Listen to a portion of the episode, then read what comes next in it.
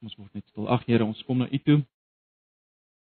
Ons kom met vrymoedigheid net op grond van een rede en dit is U self, Here Jesus, ons volmaakte middelaar. Een wat in hierdie oomblikke vir ons intree op grond van die versoeningswerk. Op kome versoeningswerk. Here ons gebed is nou dat U ons sal help, ons sal lei deur die gedeelte waarna ons gaan kyk, redelik lang gedeelte. Ons wil vra dat ons of dat U ons opnuut sal bemoedig en sal versterk. sal vermaan waar nodig. Ja, sal verander, Here. Ag sodat ons in alles wat ons dink en ons wat ons sê en wat ons doen al meer die lof en die eer aan die bidding aan U sal toebring. Want U is dit waar. Ag Here, vergewe ons. Vergewe my dat ons lewentjie so rondom onsself draai. Dat ons U nie aanbid soos ons moet. Ag Here, beweeg ons as individue, ons as 'n gemeente al meer tot werklike aanbidding van U vra dit van ons pleit om vergifnis in hierdie oggend vir ons sonde wat dit betref. Asseblief. Ons vra dit in Jesus se naam. Amen. So kom ons maak die Bybels oop by Eksodus 32 en ek wil regtig hê julle moet volgens van saam met deur beweeg. Dit sal goed wees as jy in jou Bybel self kan volg want ek wil regtig hê jy moet deur hierdie gedeelte gaan, 'n aangrypende gedeelte. Uh, uh, mens kan eintlik nie in een oggenddiens laat reggeskied daaraan nie. Uh ehm um, so wees maar geduldig ook vanoggend kan al so 'n bietjie langer wees die preek. Ehm um, maar kom ons kyk hoe ver kom ons. So maak maar net oop by Eksodus 32. Ons gaan nie nou alles lees nie, maar soos ek sê ek gaan vir julle probeer saam deurvat deur hierdie gedeeltes. Ek wil hê ons moet vanoggend uh, begin om 'n vraag vir mekaar te vra. En die vraag is bloot dit: Wil ons werklik hê dat God in ons midde moet wees? Wil ons werklik hê dat God in ons midde moet wees? En as ons sê ja, is my volgende vraag: Sal ons dit maak met hom in ons midde? Dink ons werklik ons kan dit maak met God in ons midde? Elke dag. Sal God nie 'n punt bereik waar hy as te ware ons nie meer kan duld nie, my nie meer kan duld nie. Ek meen, wat maak hy? Wat maak hy met dit wat hy elke dag in my sien? En voor jy te vinnig antwoord, dink net weer vir 'n oomblik, wie is God? Want ek dink ons vergeet dikwels wie is God. Ons het nou iets daarvan gesien, iets van wie hy is in Eksodus, né? Hy is die verterende vuur God. Hy kan nie onreg verdra nie. Wie waarheid sê hy mag nie, hy kan nie as God dit maar net onder die mat vee nie. Al my bedrog, al my leuns, al my onreinheid, al my selfgesentreerd. Hy moet dit straf. Hy kan nie anders anders as hy nie God. So dis God aan die een kant. Dink bietjie aan aan jouself. Dink net aan jouself hierdie week wat verby is. Dink net dink net aan jouself hierdie week wat verby is. Wat het in jou kop aangegaan? Dink aan jou optrede teenoor jou ouers. Teenoor jou man, teenoor jou vrou, jou werksmense. God self.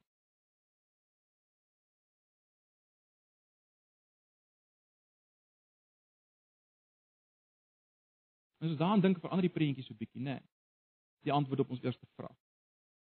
Wat het ek met my tyd gemaak hierdie week? Ag broers en susters, met dit in ons agterkop, kom ons kyk 'n bietjie na Eksodus 32 en 33. En ons trek dit eintlik deur uh na ons as Nuwe Testamentiese mense. Wat sien ons hier? Uh ek wil net ons herinner 'n bietjie aan die konteks van van dit wat ons nou gesien het twee sonnae gelede. Twee sonnae gelede het ons gesien hoe God eet en drink saam met die oudstes daar op die berg. Onthou julle Moses, Aaron, Nadab en Abihu in die 70 het opgegaan na die berg toe en uiteindelik het hulle daar saam met God geëet en gedrink. En toe het ons gesien en vir mekaar gesê God wil hierdie gemeenskap met sy mense voortsit. God wil hierdie gemeenskap met sy mense voortsit. En dis hoekom ons die voorskrifte van die tabernakel kry. Dis hoekom ons die voorskrifte van die tabernakel kry. 'n Kernvers daar is Eksodus 25 vers 8. Eksodus 25 vers 8. Hulle moet vir my 'n heiligdom oprig dat ek tussen hulle kan woon. Dis die kern van alles, né? Nee, so hy het geëet en gedrink saam met die oudstes. Hy wil daardie gemeenskap voortsit. Daarom die voorskrifte vir die tabernakel en kern, die kern van dit alles, kern van die tabernakel is dit. God wil tussen sy mense woon. En dan sien ons dat 'n derde van Eksodus word in beslag geneem deur die planne van die, vir hierdie tabernakel en dan word die besonderhede weer herhaal. En en die hele punt van van hierdie geweldige spasie wat daarin gespandeer word, is natuurlik bloot dit. 'n Woonplek vir God kan nie ligtelik opgeneem word nie, né? Ek meen God self gaan onder sy mense woon. Julle onthou ons gesien dat die tyd wat dit gevat het om die tabernakel uh, te bou, dit wat ons in die tabernakel kry, dit alles dui op dit wat ons in Eden gesien het. Geweldige teruggryp na Eden. Ons het daarna gekyk. Maar broers en susters, daar's nog 'n rede vir vir kom ons noem dit hierdie duplikaat beskrywing van die tabernakel. En dis wat ons kry die aangrypende gedeelte in Eksodus 32 en 33. Nou ons ons sien iets van die geweldige belangrikheid van hierdie gedeelte as ons die literêre struktuur van hierdie gedeelte bietjie uitlig. Ek het dit daar vir julle op die PowerPoint net dat julle net daarna kan kyk.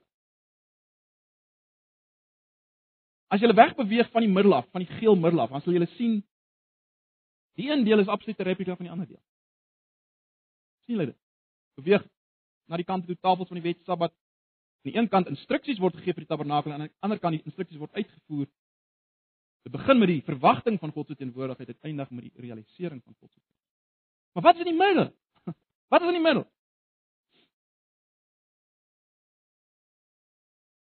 Wel die gedeelte van die goue kalf.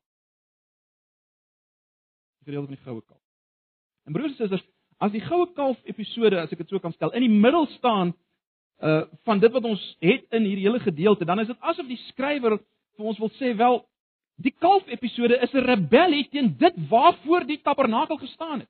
En as jy wil, is dit daarmee 'n rebellie teen alles waaroor Eksodus tot nou toe gegaan het, want Eksodus tot nou toe kulmineer as te ware in die tabernakel, né? Nee, dit kom tot volvoering tot 'n punt in die tabernakel en dit wat ons kry in Eksodus 32 tot 33 is 'n rebellie teen dit alles. Dit waar vir die tabernakel gestaan. Dis ook moet in die middel is.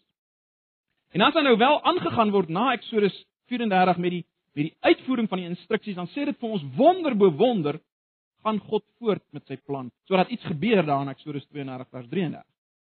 En dis wat ons moet raak sien voor. Dit beklemtoon ook dat dit wat nou voorgeskryf word in die tabernakel is ontsaglik belangrik. As gevolg van dit wat gebeur het en dit wat gesien word in die episode van die goue kalf.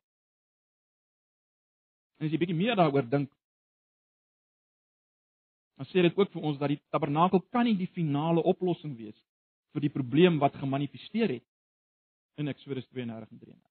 So dis 'n Ek hoop julle voel dis 'n gewigtige gedeelte hierdie. En dis hoekom ek wil hê ons moet bietjie daarna kyk. Dis 'n geweldige gewigtige gedeelte. Maar kom ons beweeg na Israel, wat ek wil noem Israel se mislukking. Israel se mislukking. En nou kan julle maar bietjie volg in julle Bybels ook. Uh As jy begin daar by hoofstuk 32 vers 1. Wat sien ons hier? Wat kry ons hier? Wel, ons sien hier dat Israel, die Israeliete, God se eiendomsvolk Onthou nou, ons ons moet dit tog nie vergeet nie. Dis die enigste mense wat op hierdie stadium aan God behoort het op 'n unieke manier, uh wat in 'n liefdesverhouding wat ons noem die verbond met hom gestaan het. Dis die ouens wat ons hier kry, hoor. Moenie moenie anders dink oor hierdie ouens. Op die hele aarde is daar niemand soos hulle nie. Hulle staan in 'n verbondsverhouding met God. En hulle wag vir Moses om van die berg af te kom waar hy self met God praat en waar Moses nou instruksies kry juis oor hierdie woonplek wat hy gaan oprig onder hulle. En dan talle Moses en hulle raak ongeduldig en die geweldige wat ons kry dan is dat hulle 'n goue kalf bou op presies dieselfde tyd. Wanneer Moses instruksies kry oor oor hierdie woning van God. Dieselfde tyd bou hulle die goue kalf. Nou ons moet natuurlik onthou dat Moses was was die enigste kontak wat hierdie ouens gehad het met God. Uh As mens kyk na Hoofstuk 20 vers 19 as mens dit onthou. So as Moses nou nie terugkom nie, wel waarskynlik het hulle begin om dit so te stel paniek slaan. Né? Nee, hulle was bang geweest dat hulle nou kontak verloor het met God. En tipies soos soos 'n kind wat eers paniekerig raak en dan bekommerd en dan uh dan kwaad sien ons dit by hulle gebeur en hulle begin sommer uh letterlik in die Hebreëus begin hulle uh neerhaling van Moses praat in ons idioom hierdie ou Moses weet nie wat het van hom geword Maar wat ook al hulle beweeg het. Broers en susters, dit wat hulle doen uiteindelik hier is ongekende rebellie teen God. Uh, wat die goue kalf betref, 'n uh, kalfbeelde, goue kalfbeelde was baie algemeen blykbaar in die ou nabye ooste van daai tyd. Nou ons moenie dink dat uh, hierdie beeld gelykgestel is aan God nie. Met ander woorde, ons moenie dink die Israeliete regtig gedink hierdie goue kalf het hulle uitgelei uit Egipte nie, maar die kalf het God voorgestel. Die kalf het God voorgestel. Dit is baie interessant dat hierdie kalf van goud gemaak word, né? Nee, net soos die ark van die Here wat ook vir God se teenwoordigheid gestaan het in die tabernakel. Dis hierdie kalf van goud gemaak, soos die ark wat God se teenwoordigheid voorgestel het. So ons kan sê as hulle hierdie kalf van van goud maak, dan dan probeer hulle tot stand bring dit waarvoor die tabernakel gestaan het. As jy wil, hulle probeer 'n konkrete punt van kontak tussen God en hulle tot stand bring. Nee, 'n vaste punt van kontak tussen hulle en God Dit wat die tabernakel moes wees, sou wees. Dit probeer hulle tot stand bring. As jy dit anders verstel, ons kry hier 'n heidense voorstelling van die ware God. 'n Heidense voorstelling van die ware God. Geweldig. Katastrofies. In vers 4 sal julle sien word na hierdie God verwys as gode. In vers 4 word na hierdie God verwys as gode. Nou ons weet nie presies hoekom uh, hoekom die skrywer dit so noem nie, maar waarskynlik is hier 'n ondertoon wat ons moet hoor dat met ander woorde ons moet waarskynlik hoor dat hulle nie net besig is met afgode nie, maar ook met met politeïsme. Maar dan ingrypend Eksodus 32 vers 4.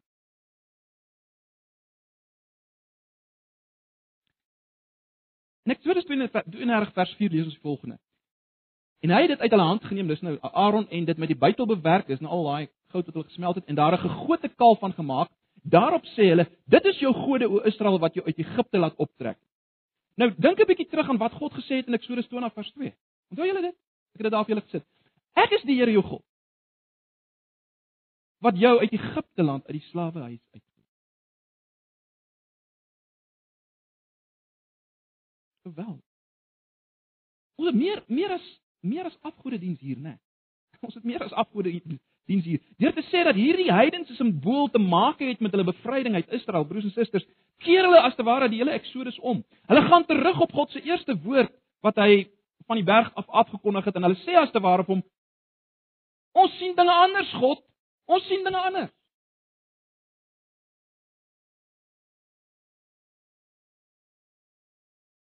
Geweldig. Ons kan sê wat hulle hier doen as hulle die goue kalf bou uh, en as hulle herhaal dit wat in Eksodus uh, 20 vers 2 gesê word, wel dan dan vorm Israel as te ware 'n nuwe vals godsdienst. Dis wat hulle vorm. En hulle vorm dit op die patroon van wat God vroeër aan hulle openbaar. Alles besig met 'n vals godsdienst. Hulle verander broers en susters, hulle verander die onsigbare en dit is die dis die groot klem. Meen dis die groot verskil van Israel se God, nê. Nee, die onsigbare heilige God verander hulle in 'n voorwerp wat nie kan praat of optree nie. Hulle ver, hulle, hulle verbreek die eerste twee gebooie. In vers 5 is dit interessant dat 'n uh, Aaron 'n altaar bou met met met met 'n uh, ja, altaar bou wat natuurlik parallel is aan die altaar wat in die tabernakel gebou gaan word. En dan sê hy daar gaan 'n fees vir die Here gehou word. Daar gaan 'n fees vir die Here gehou. Nou, ons weet die die feeste wat Israel moes hou in herinnering van hulle bevryding uit Egipte, was die Paasfees en die fees van die ongesuurde brode. En as hulle nou hier 'n fees hou, dan keer hulle dit alles om. Weereens. Dis iets anders. Hulle verander die Paasfees in iets anders. Gaan 'n bietjie na vers 6. Kyk bietjie na vers 6. In vers 6 is daar nog twee frases wat herinner aan dit wat ons in, in hoofstuk 24 gesien het. Uh in hoofstuk 24 vers 4 en 5 sien ons dat Moses het vroeg opgestaan. Interessant, die klem word daar gelê op die vroeg opstaan. Hy vroeg opgestaan en dan dan bring hy brand en dankoffers. In hoofstuk 32 vers 6 lees ons die volgende: En hulle het die ander dag vroeg klaar gemaak en brandoffers gebring en dankoffers aangebring. En dan lees ons daarop het die volk gaan sit om te eet en te drink en hulle het opgestaan om te speel. Nou, wat ons hier kry is 'n absolute omkeer, as jy wil, 'n perversie van van die ware feesviering van hoofstuk 24, daai geweldige gedeelte waarna ons gekyk het. Dis interessant as ons kyk na vers 6, né? Nee. Vers 6, hulle het die ander dag vroeg klaar gemaak en kyk na die einde, daarop het die volk gaan sit om te eet en drink. Dis baie interessant. Waarna herinner dit? Wel, dit herinner aan vers 11. Onthou julle die klimaks in hoofstuk 24 vers 11. Ek het nou nie daar die, die vers daar nie, maar julle onthou dit nog, né? Nee. In hoofstuk 24 vers 11, die klimaks van van alles wat daar gebeur is is is die oudstes wat saam met God eet en drink. En wat die skrywer hier vir ons wil laat sien is hierdie ouens eet en drink ook. Maar dit gaan saam met 'n 'n seksuele orgie want dis dis die dis die betekenis agter die woord wat gespeel, hoor. Dis wat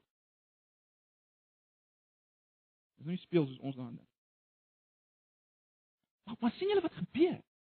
Die, die heilige oomblikke van eet en drink saam met God wat ons in Hoofstuk 24 gesien het, wel dit word hier tot 'n seksueel uitspattige fees verander. So, dis wat ons sien broers en susters van God se uitverkore volk, sy heilige priesterdom. Dis wat ons sien hier in Eksodus 2. Wat is God se reaksie? Wat is God se reaksie? Wel, in hoofstuk 32 vers 17 deel God hierdie aktiwiteite van die volk mee aan hy vertel vir Moses dan. Nee, hy sê vir Moses wat gebeur. Dit is interessant hoe hoe God verwys na jou volk. Hy praat nie meer van sy volk nie. Hy was eers as te ware baie trots om te praat oor sy volk. Op 'n stadium uh, sal julle onthou in hoofstuk 4 praat hy van my eersgebore seun Israel. Nou sê hy dis jou volk Moses. Dis jou. Dis asof God genoeg gehad. En dan in vers 7 en 8 sê God dat hulle verderflik gehandel het. Ehm um, en dit gou die pad verlaat wat ek hulle aangewys het. En dan uiteindelik, wat is God se oplossing vir die probleem? Wel, vers 10 Ek is stoornig op my volk, ek wil hulle vernietig. Vir jou sal ek dan tot 'n groot nasie maak. So wat sê God? Hy sê wel, uh gaan hulle vernietig hierdie volk. Maar Moses, ek sal met jou oorbegin. Ek sal met jou oor begin. Met ander woorde, God wil met Moses begin waar hy met Abraham in Genesis 12 begin het. Alles na dit wil hy uitvee. Hy wil weer met Moses begin waar hy met Abraham. Hy wil 'n streep trek deur alles. Dis God se reaksie. En dit bring ons by Moses as middelaar. Moses as middelaar. Nou Heel hier aan die begin van Eksodus, ek weet nie of julle nog kan onthou in hoofstuk vers 11 tot 4 vers 17. Onthou julle hoe Moses daar geargumenteer met God? En daar eh, eh, was hy vol, ek gaan amper sê kleinlike selfsugtige oorwegings, né? Nee, hy kan nie praat nie ensovoorts van oor homself. Hier, baie interessant. Uh argumenteer Moses met God. Hy hy praat met God ter wille van die volk. Eksodus 32 vanaf vers 11. Maar Moses het die Here sy God om genade gesmeek en gesê: Waarom o Here sou u toorn ontvlam teen u volk wat u met u groot krag en met 'n sterk hand uit Egipte uitgelei het? Waarom sou die Egiptenare spreek en sê in kwadwilligheid het hy hulle uitgelei om in die berge om te bring en hulle van die aardbodem af te vernietig? Wend u af van die gloed van die toorn en laat dit u berou oor die onheil van u volk. Vers 13: Gedenk aan Abraham, Isak en Israel, u knegte vir wie u by uself gesweer het en aan wie u gesê het ek sal julle nageslag vermenigvuldig soos die sterre van die hemel en hierdie hele land waarvan ek gespreek het sal ek aan julle nageslag gee dat hulle dit vir ewig kan beerf. Dis wat Moses sê. Dan amper die, die 53 vertaling daai. En dan die ongelooflike. God sien af van sy plan om die volk heeltemal te vernietig. God sien af. Kyk aan vers 14. Toe het die Here berou oor die onheil wat hy gesê het dat hy sy volk so aan. God sien af dit wat hy besluit. Maar wat gebeur dan? Dit bring ons by by 'n volgende punt, die, wat ek noem die, die tragiese slagting wat daar plaasvind? Nee. Na hierdie, kom ons noem dit suksesvolle intrede van Moses, middelaarskap van Moses, dan dan kom Moses af van die berg en hy hoor hy gesing van die volk. Nou, as mens terugdink na die verlossing uit Egipte, die volk ook gesing daar in Eksodus 15. Nou sing hulle ook. Dieselfde dit is interessant dieselfde woord word gebruik, né? Nee. Dit maak Moses woedend. En ons sien hoe gooi Moses die twee tafels van die wet stikkend. Nou die simboliek is geweldig. Die wet word simbolies as te ware vernietig. Moses se optrede sê as te ware, kyk, as julle nie wil doen wat die wet sê nie, dan dan dan dan dan is julle nie waardig om die wet te hê nie. Om dit te besit, te besit nie. En en en hierdie hierdie hierdie besef moes hulle ruk broers en susters dat hulle alles kon namaak, maar die essensie uh van die Exodus belewing, naamlik die inhoud van die verbond, die sogenaamde wet, dit kon hulle nie reproduseer nie. Die partytjie was verby as jy wil. Die partytjie was verby, né? Nee. Hulle poging om 'n valse godsdiens volgens hulle eie plan te ontwerp het misluk. En uh dis wat ons dis wat ons hier sien. Ek wil nie nou hierop ingaan nie. Dis uh, dis nogal eintlik half ironies, tragies. Uh Moses as hy met Aaron praat, die die antwoord wat Aaron gee is is, is belaglik, né? Nee, Aaron sê in 'n sekere sin of laat ek so sê, hy ontken dat hy iets te maak het met met die goue kalf terwyl dit baie duidelik hy was wat dit gemaak het. Uh die implikasie van hoofstuk 32 vers 24 is eintlik dat hy sê die die, die goue kalf het eintlik sommer so self verskyn. Julle het dit al gesien, dit is baie ironies ver. Die goue kalf het eintlik so Hy weet eintlik hoe dit gebeur het met die goue kalf het eintlik na vore gekom. 32 vers 24. Baie ironies ver. Tragies. En dan sterf 3000 onder die hand van die Lewiete. 3000 ouens word dood. Geweld. Jy sien wat ons bewus moet van word is dat dat sonde kan nie onder die mat gevee word nie. Ja, God gaan nie die volk totaal uitroei en totaal oorbegin met Moses nie, maar sonde verdien nie dood. En en hoe ook al ons wil argumenteer oor hierdie gedeelte, ek dink die die Gees wil hê ons moet sien die erns van sonde en die haglike toestand van die volk voordat ons kom by 'n volgende intrede van Moses. Ons moet eers bewus raak van die haglike toestand. En nou nou is ons reg vir vir die volgende intrede van van Moses by die volk. So kom ons kyk weer na Moses en sy tweede intrede. Moses die middelaar in sy tweede intrede. Kom ons kyk dan. Vers 20 van Hoofstuk 2. Die volgende dag het Moses aan die volk gesê: "Julle het 'n groot sonde begaan, maar nou sal ek na die Here opklim. Miskien kan ek vir julle sonde verzoening doen." So Moses wil verzoening doen vir die volk se sonde. Uh en, en hy gaan so ver om te sê dat indien hulle sonde nie vergewe kan word nie, moet die Here maar sy lewe in steede daarvan neem. Hy sê letterlik delg my maar uit die boek. Nou waarskynlik moet ons nie hierin inlees dat dat hy bedoel sy sy ewige toestand voor God of dat hy verlore sal gaan nie. Dit verwys bloot aan die feit dat hy sal sterf. Dis hoe hierdie frase gebruik word in die res van die Ou Testament. Met ander woorde dat met hom sal gebeur wat met die 3000 gebeur het. Laat my sterf. Laat my sterf. En dan God se baie interessante antwoord. Baie betekenisvol val in die lig van die Nuwe Testament. God se antwoord in vers 33. God se antwoord in vers 33. Eksodus 32 vers 33. Toe die Here Moses geantwoord: "Wie teen my gesondig het, wie sal ek uitdeel? Wie teen my gesondig het, wie sal ek uitdeel uit my boek?" En dan hoor God kon nie Moses se se kan mens amper sê sy plaasvervangende dood. Hy kan dit nie aanvaar nie. Hoekom kan hy dit nie aanvaar nie? Want Moses was nie skuldig aan daai sonde nie. So hy kan dit nie aanvaar nie, want Moses was nie skuldig aan die sonde nie. So God sê nee nee. Ek gaan van hulle rekenskap uit. Ek gaan van hulle rekenskap uit. En die volgende ding wat ons dan sien is vers 35 waar ons lees die Here het die volk met 'n ramp getref oor die kalf wat Aaron op hulle aandrang gemaak het. Nou ons ons weet nie veel meer nie. Ons weet nie of mense gesterf het, hoeveel het gesterf nie, maar die punt is die Here tref hulle met 'n ramp. En so word die spanning voortgesit in hoofstuk 33 vers 1 tot 6, né? Nee, die spanning word voortgesit. En dit op 'n stadium lyk dit asof alles in 'n sin nou nou nou reg is tussen God en sy volk. As hy vir hulle sê wel, uh of as hy aan Moses sê dat hulle moet hulle moet nou trek na die land wat hy aan Abraham beloof. Dit lyk asof alles reg gekom. Trek na die land wat ek aan julle beloof het. Maar dan is is 'n skokkende uitspraak in Eksodus 33 vers 3. In Eksodus 33 vers 3. Julle is so 'n moedswillige volk. Sê wat sê hy? dat ek nie sal saamtrek na hierdie land wat oorloop van melk en honing nie, want dan verdelg ek julle op pad daar. En broers en susters, dis 'n aangrypende vers.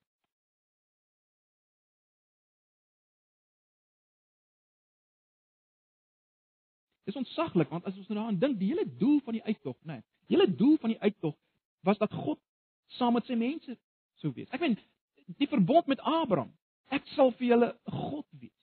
Dis die hele doel van die uittog dat God saam met hulle sal wees, dat God hulle sou lei. Dit was die hele punt van die tabernakel, dat God by hulle sou wees. En nou sê God: "Nee. Ek gaan nie meer saamtrek na hierdie land. Ek gaan nie meer saam." En dan kom Moses weer en hy tree in vir vir die mense. Ons kry dit vanaf vers 12 tot 23 van Eksodus 33. Vers 14 gee mense nie veel moed nie. God sê as te ware in effek weer eens vir Moses: "Kyk Moses, ek sal vir jou rus gee." Dis asof God bly by sy besluit om om nie te begin met Moses maar nie met die volk. Dit lyk amper. Dit gee mense nie baie hoop. Maar Moses volhard en eh, ag, julle kan dit rustig weer gaan lees by die huis. Moses volhard en die en die groot punt wat Moses en alles maak is maar net dit: as God se teenwoordigheid nie met die volk as geheel is nie, let wel as God se teenwoordigheid nie met die volk as geheel is nie, wel God se naam is op die spel. Sy reputasie is op die spel. Hy kan dit nie doen nie. Dis hoe Moses intree by God. Hy sê: "Jy kan dit nie doen nie. Help jy dit net vir my nie.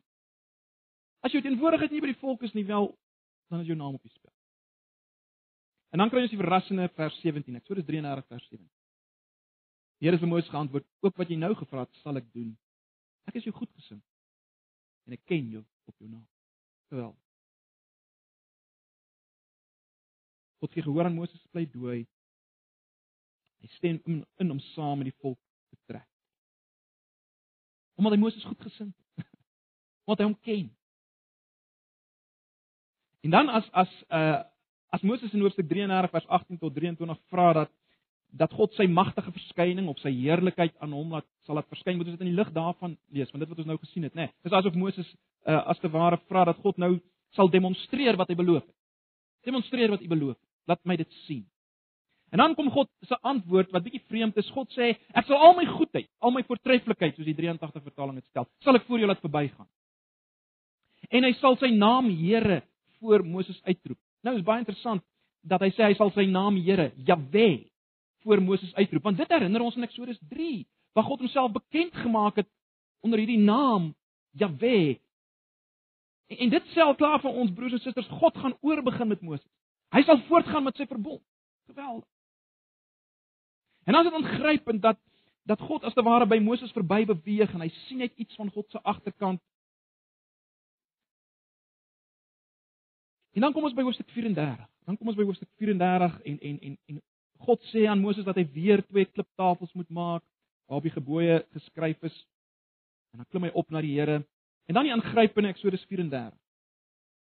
Uh Eksodus 34 van vanaf vers 5. Die Here het in 'n wolk afgekom en daar by Moses kom staan en die naam Here uitgeroep. Vers 6. Terwyl hy by Moses verbygaan, roep die Here: Ek, die Here, is die barmhartige en genadige God lankmoedig en vol liefde en trou. Ek betoon my liefde aan geslagte en geslagte. Ek vergewe ongeregtigheid, oortreding en sonde. Maar ek spreek niemand sonder meer vry nie. Ek reken kinders en kleinkinders die sonde van vaders toe selfs tot in die derde en vierde geslag. In vers 9 vra Moses dan dat God tog by die volk sal bly en en dan kom God en hy bevestig die verbond in vers 10. Eksodus 34 vers 10 bevestig hy die verbond. As hy sê ek sluit nou 'n verbond met julle. Sluit nou 'n verbond met julle sluit nou 'n verbond. Vir jou en die hele volk gaan ek magtige dade doen wat nog nooit tevore op die hele aarde onder enige nasie gedoen is. Die hele volk by wie jy is sal sien wat ek die Here doen. Wat ek vir jou gaan doen sal hulle met ontzag vervul. Dis Eksodus 34. In kort, broers en susters, as ons aangaan en ons sien dat dat God al die voorskrifte vir die tabernakel wat hy voor hierdie rebellie gegee het, as hy dit nou herhaal soort van 'n replika, ons het dit gesien in daai struktuur. As hy dit doen, dan dan sê dit vir ons iets, né? Nee, dan sê dit vir ons Moses se intrede was suksesvol. Moses se intrede was absoluut suksesvol. Versoening is herstel. Die volk is totaal herstel. Vergifnis was volbring. Ons moet dit nie mis nie. Totale versoening is bewerk vergifnis. Volk is herstel. Aan die einde in Eksodus 34 vers 29 uh sien ons dat Moses se gesig blink. 'n Bekende gedeelte van van vers 29, né? Nee. Moses se gesig het geblink nadat hy in God se teenwoordigheid was. Hy moes 'n sluier oor sy gesig trek as hy weer met die mense in kontak kom. En dis aangegrypend. Dis geweldig want dis presies wat in die tabernakel gebeur het, né? Nee. Die mense kon nie self in God se teenwoordigheid kom nie. Daar was 'n daar was 'n gordyn sodat die mense nie in die allerheiligste kon ingaan nie. Nou is daar as te ware 'n gordyn oor Moses se gesig, né? Nee. Sy gesig is bedek. En die die punt is waarskynlik wat ons moet raak sien is dat Moses is in 'n sekere sin die beliggaaming van die tabernakel. Sy rol as bemiddelaar het 'n ongelooflike punt bereik. Sy rol as bemiddelaar het 'n ongelooflike punt bereik. Hy self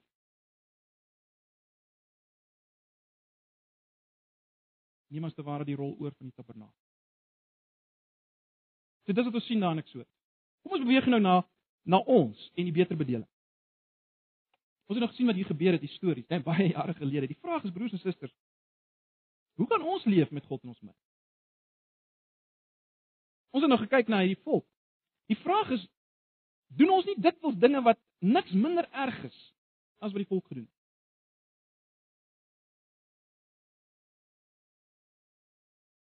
As ek en jy ons geluk, ons vreugde, ons sekuriteit vind in enigiets anders as God, is ons nie meer besig om te sê dis jou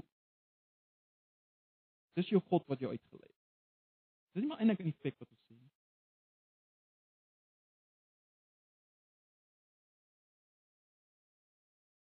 As ons op onsself vertrou en onsself kyk en goed voel oor wat ons self bereik het, self verkry het.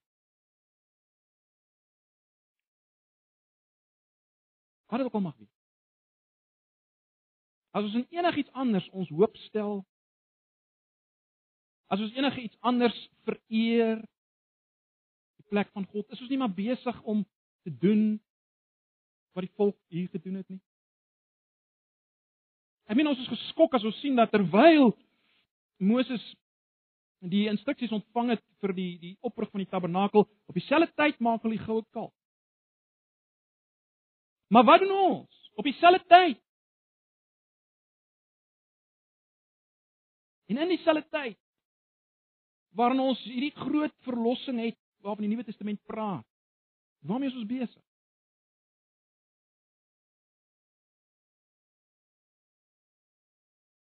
Waar dink ons dikwels as ons hier is en ons is hier besig met die Here? En ons hoor oor sy groot verlossing. Waarmee is ons besig?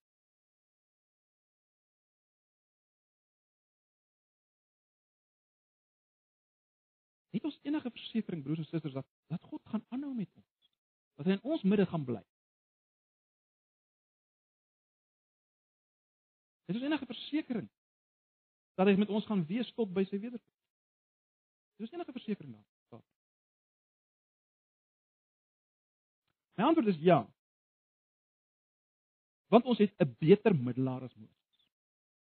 En ek wil hê ons moet net vir 'n paar oomblikke daaroor dink. Ons het 'n beter middelaar en ons behoort aan 'n beter bedeling en en ek wil nog verder gaan en waarskynlik sal ek volgende Sondag meer daaraan raak net vir 'n kort oomblik. Daarom kan ons ook beter vaar. Ek dink dis dalk die goeie nuus. Ons kan beter vaar as die Israeliete. Nie omdat ons so oulik is, nie omdat ons beter as hulle is, maar alles as gevolg van hierdie beter middelaar. Ek wil hê ons moet net baie vinnig oor 'n paar oomblikke uh hieroor nadink. Ek het 'n paar gedeeltes daar uh in Hebreërs. Kom ons kyk net vinnig. Dit dit spreek so van self.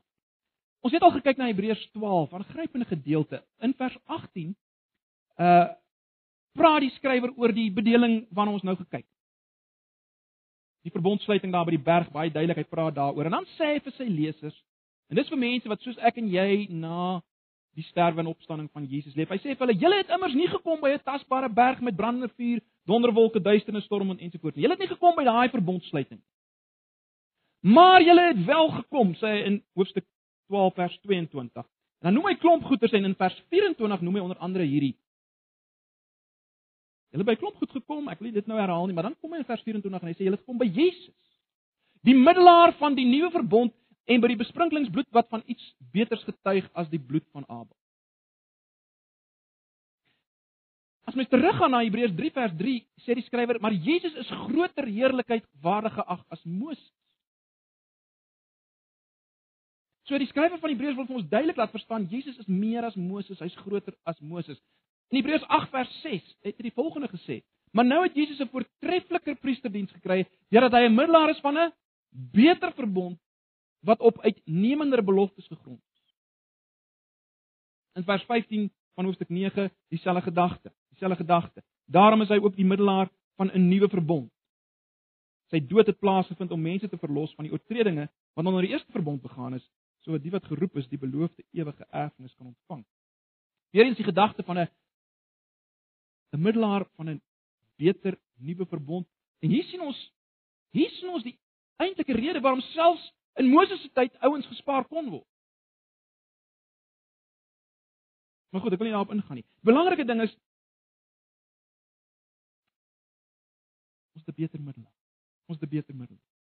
Ons het 'n beter hoofpriester as Aaron. Ek wil nie daarop uitbrei nie, maar Aaron het klaaglik misluk. Maar die vraag is hoekom? Hoekom is Jesus 'n beter middelaar?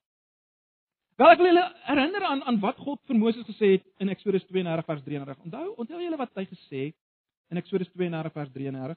Die Here het vir, vir Moses gesê, kyk, jy kan nie in die plek van hierdie volk sterf nie. God sê is sê wie teen my gesondige die sal ek uitdelg uit my boek. Moses kon nie daai volkomme versoening bewerk in in daardie sin dat hy in hulle plek sterf. Hy kon dit nie doen nie. Want hy het nie sonde gehad. Maar die verrassende in die Nuwe Testament is dat Jesus het sonde. Kyk 'n bietjie na 2 Korintiërs. 2 Korintiërs 5. 2 Korintiërs 5. Dis 'n kernvers. Dis die verskil. Die 83 vertaling lees van 2 Korintiërs 5 vers 21. Christus was sonder sonde, maar God het hom in ons plek as sondaar behandel sodat ons deur ons eenheid met Christus deur God vrygespreek kan word of kan wees. Dis die dis die 83 vertaling wat die meeste van julle het. Ek hou meer van die 53 vertaling. Dit stel dit vir my sterker. Stel dit vir my sterker. Want hy, dis God het hom, dis Jesus, luister mooi, wat geen sonde geken het nie, sonde vir ons gemaak. Dis die geweldige ding. Want hy, God het hom, Jesus, wat geen sonde geken het nie, sonde vir ons gemaak sodat ons kan word geregtigheid van God in hom. Ja, dis ongelooflik. As God na Jesus gekyk het in daai oomblik op Golgotha, dan sien God 'n leenaar soos jy en ek. Dan sien God 'n onreine soos ek en jy.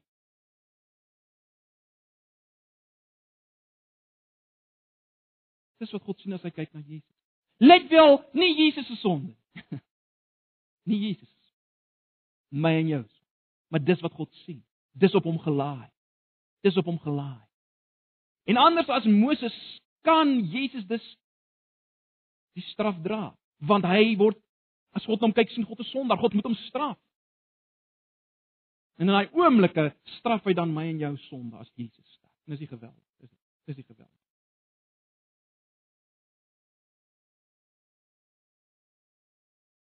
Ag broers en susters, ons het nie tyd om daaroor te praat nie, maar in daardie oomblikke as Jesus sterf, dan vervul hy natuurlik al die offers waarvoor die wat in die tabernakel ingerig is. Hy's die hy's die absolute brandoffer. Hy's die absolute soenoffer. Ons ons kan ons kan lank daaroor praat.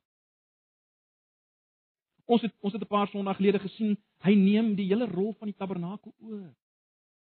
Meer as Moses. Hy doen die dinge wat in die tabernakel gedoen is, doen hy self. Hy spreek mense vry, hy reinig mense en so meer. Geweldig. Geweldig.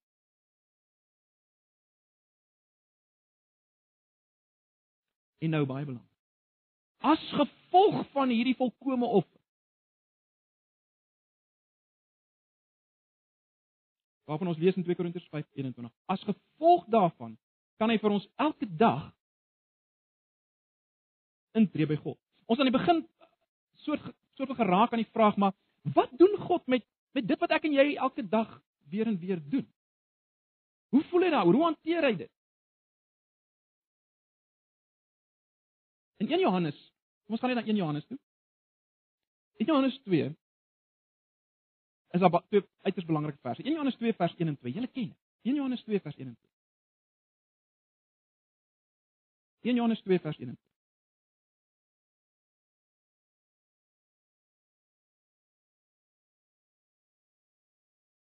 My kinders, ek skryf aan hierdie dinge aan julle dat julle nie moet sondig nie.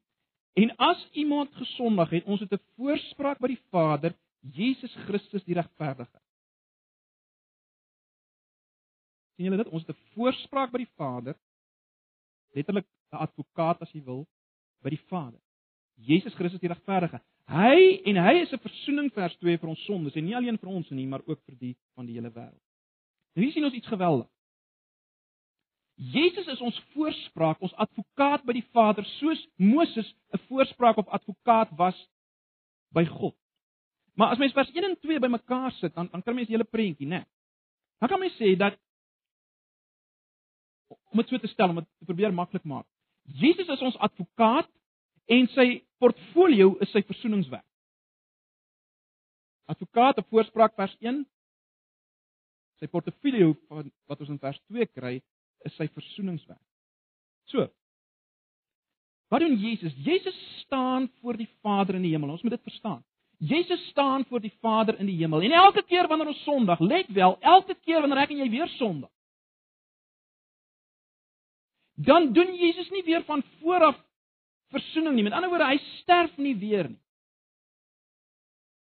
Maar, baie belangrik. In plaas daarvan maak hy sy portefeulje oop. Maak dit oop. Hy maak dit oop. En hy lê as te ware dit wat op Goeie Vrydag plaasvind, dit lê hy voor die regbank, as jy wil. Hy is ons advokaat.